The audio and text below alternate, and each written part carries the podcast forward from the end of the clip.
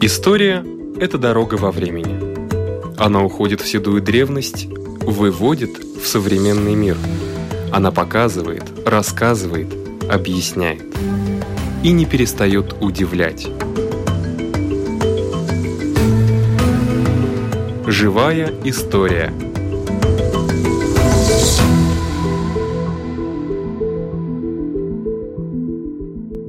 У микрофона Лидия Чера. По легенде, сюжет картины отражает зависимость художника от общества. Художник что обезьянка, которую можно дергать за поводок в любую сторону, а капризная принцесса, соответственно, символизирует общество.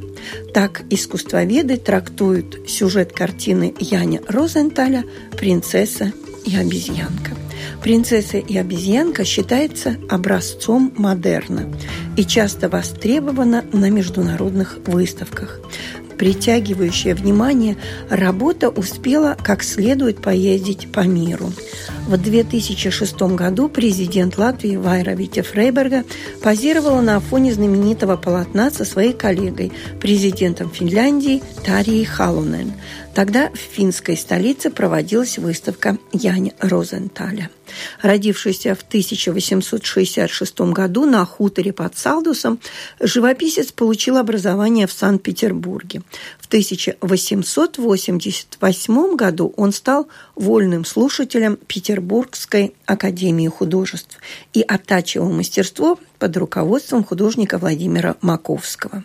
«Принцессу и обезьянку» он писал в Риге. Впервые работа была представлена на выставке в Мюнхене в 1900 1913 году, за три года до смерти художника. Сегодня мы расскажем о том, кто же послужил прообразом принцессы и на немного приоткроем тайну придворной обезьянки. Сотрудница музея Яня Розентала и Рудольфа Блауменя Лига Клявиня. Это выставка о одной картине Яниса Розентала – принцесса с обезьяной. У этой картины в начале года юбилей большой был, столетие с года, когда она родилась. И вот все это долгое время, все эти года, эта картина привлекает людей. Она заинтересует, как будто задает из загадки, почему принцесса, почему именно такая, почему обезьяна, и почему она так интересно одета. Года идет, и интерес, как будто люди этой картиной увлекаются э, заново и заново. Скажем так, что я один из тех людей, которых интригует эта картина уже давно. Потому что сюжет настолько необычен, для художника даже необычен, потому что он-то, в принципе, фантазийные картины не писал. Да, правда. И знаете, всегда всем это была загадка. Эта картина как будто отличается от всех других картин Янис Розентала. Наверное, поэтому и интерес Но, такой а большой. Вы будете загадки, отгадки на загадки давать? Это очень трудно, когда прошло так много лет и еще таинственность это сохраняется. Это очень трудно раскрыть как будто занавес и открыть все об этой картине. Какие-то схожести с женой Яна Розентала есть э, в этой принцессе? Думает, что да, потому что она была одной из самых прекрасных моделей у художника. Как будто что-то и напоминает жену художника, которую он очень любил и высоко ценил. И всех портретах Янис Розенталс большой талант. Он всегда стремился в своих портретах показывать самое красивое, самое лучшее, самое дорогое, то, что имеет этот человек. Вот поэтому эта принцесса у него получилась такая таинственная. В самом начале даже его ученики, вот, например, Янис Яунсудрабинш, его ученик, который учился у него в мастерской, один из самых первых рецензентов моментов. И он тоже задает вопросы, почему так, почему принцесса, почему обезьяна, что это обозначает.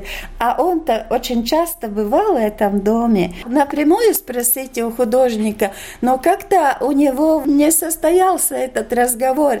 И заканчивает он свою рецензию предложением «но все-таки из всех картин именно из-за этой картины нужно идти в выставку и посмотреть эту выставку. Так что эта картина очаровала и таких знаменитых художников, не только просто посетителей и тех людей, которые смотрели картины.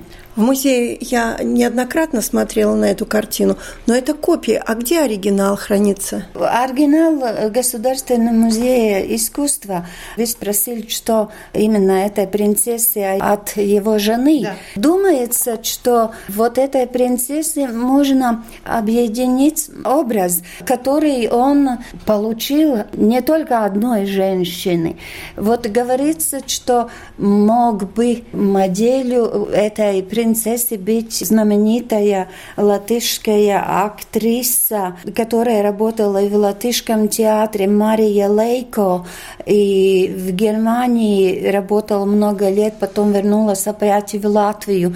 Как будто фотографии ее смотря, некоторые моменты совпадают, линии, черты лица, но если говорить, она как будто очень короткое время работала здесь, в Риге, театре.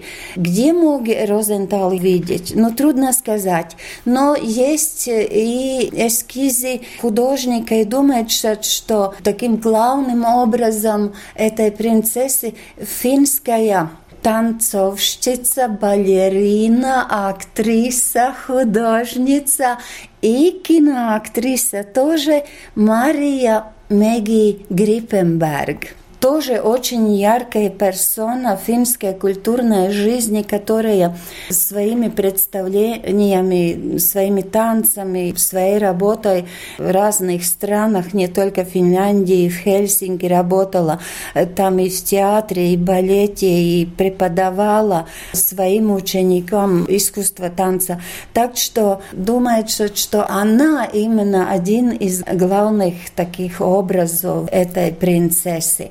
Но я думаю, что она как будто, ну, в себе хранит много хороших представлений, много красивых женщин жизни художника Яниса Розендала когда он писал эту картину, какой у него был жизненный этап? Он был в Риге или он путешествовал? Он был уже женат? Были ли у него дети? Он только что вернулся с путешествия в 1912 году в Италии. Они там были оба с супругой. И привез очень хороших картин, большую коллекцию. Но потом 1913 год, как будто уже родилась эта картина «Принцесса с обезьяной». Сохранились некоторые рисунки с этой обезьяны. Сохранился какой-то первый наброс, этюд, этюд да, принцессы с обезьяной. Когда эта картина была готова, она потом побывала в всех самых главных выставках в конце жизни художника и в Петербурге в 1915 году, и потом уже в 1913 году, когда была его вторая персональная выставка здесь в Государственном музее в Латвии искусства. Потом в 1916 году этой выставки в Петербурге был, был большой успех. И потом Янис Розенталс участвовал в э, организации второй выставки в Москве в 1916 году. И там тоже была эта картина. И интересно, что эта картина очень нравилась и жене художника. Когда-то внучка Ева Розентал рассказывала, что в семье говорили, что э, это самая большая ценность, как будто если в доме что-то плохое случится, то сперва нужно спасти именно принцессу. Так что и жене была дорогая эта картина. И в день смерти художника, он скончался в Хельсинки в 1915 1915 году, в конце года. День похороны, его в гробе находились не только, как у нас принято, цветы, но находились и картины. Портрет жены, портрет ее родственницы, писательницы Майлы Талвио, но рядышком головы художника была принцесса с обезьяной. Тоже так, что все самые как будто его... Дорогие его работы. Дорогие, любимые его работы, да. Тоже странно. А не сохранились его дневники, какие-то письма? Письма сохранились, да. И они хранятся в музее письменности. И там есть письмо, которое он писал 1915 года с выставки латышских художников в Петербурге, э, что вот успех там.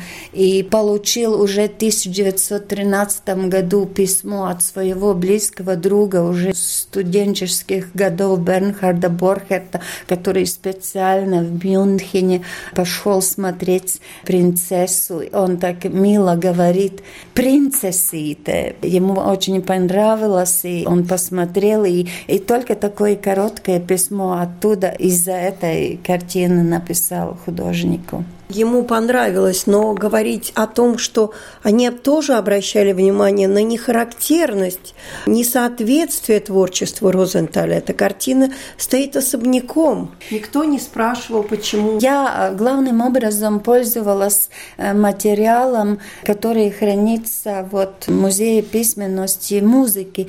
И нигде не находилось вот такой Ясный ответ. В Латвии ведь было не характерно обезьян держать дома. Это... Знаете, нет, это было время, когда было в моде вот этой самой рецензии Янис Йонсудрабинш пишет, что пришли модные времена, mm-hmm. что молодые женщины теперь не ходят собачками, а ходят обезьянками.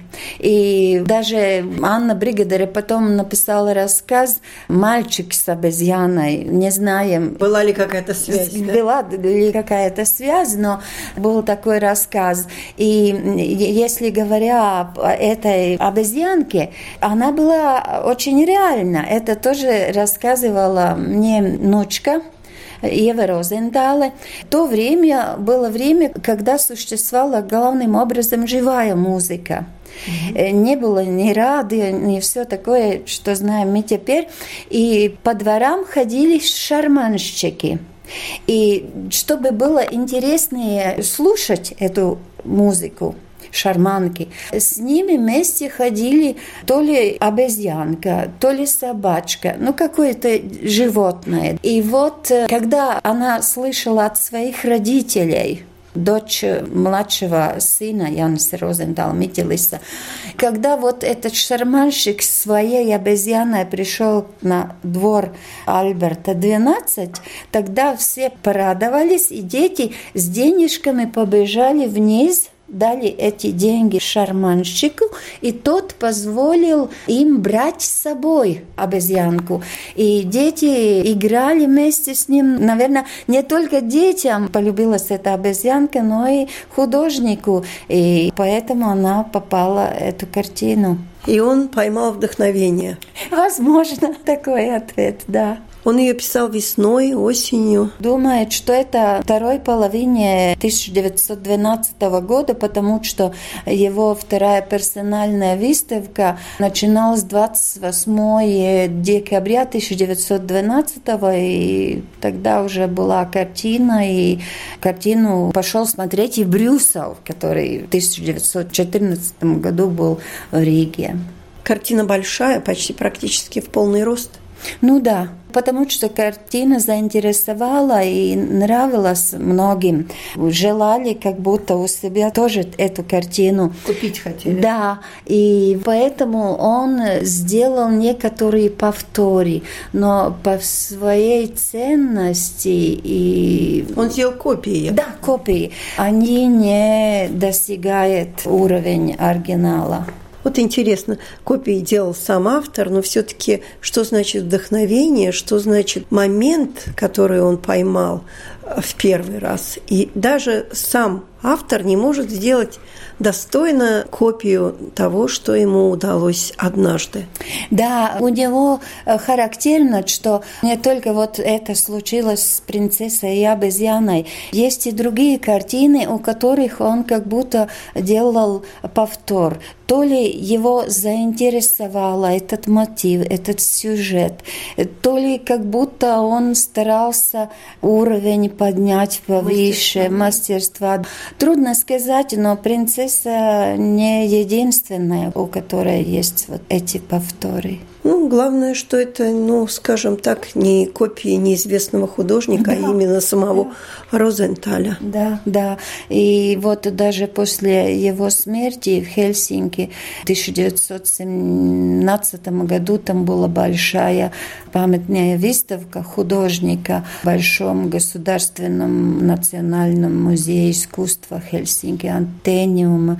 Там тоже была принцесса с обезьяной. Так что как будто одна из самой главной картины его жизни. Выставка открылась, а когда последний день работы? Все лето можно Смотри. будет посмотреть, потому что материалы есть, которые будет показываться в выставке и с финских выставок, и с выставок в Москве, и в Петербурге, публикации русских и изданиях, газетах, журналах. Даже я не знаю, это очень много таких публикаций, но мы не можем все показывать. Интерес всегда был большой очень. Ну а оригинал не привезете?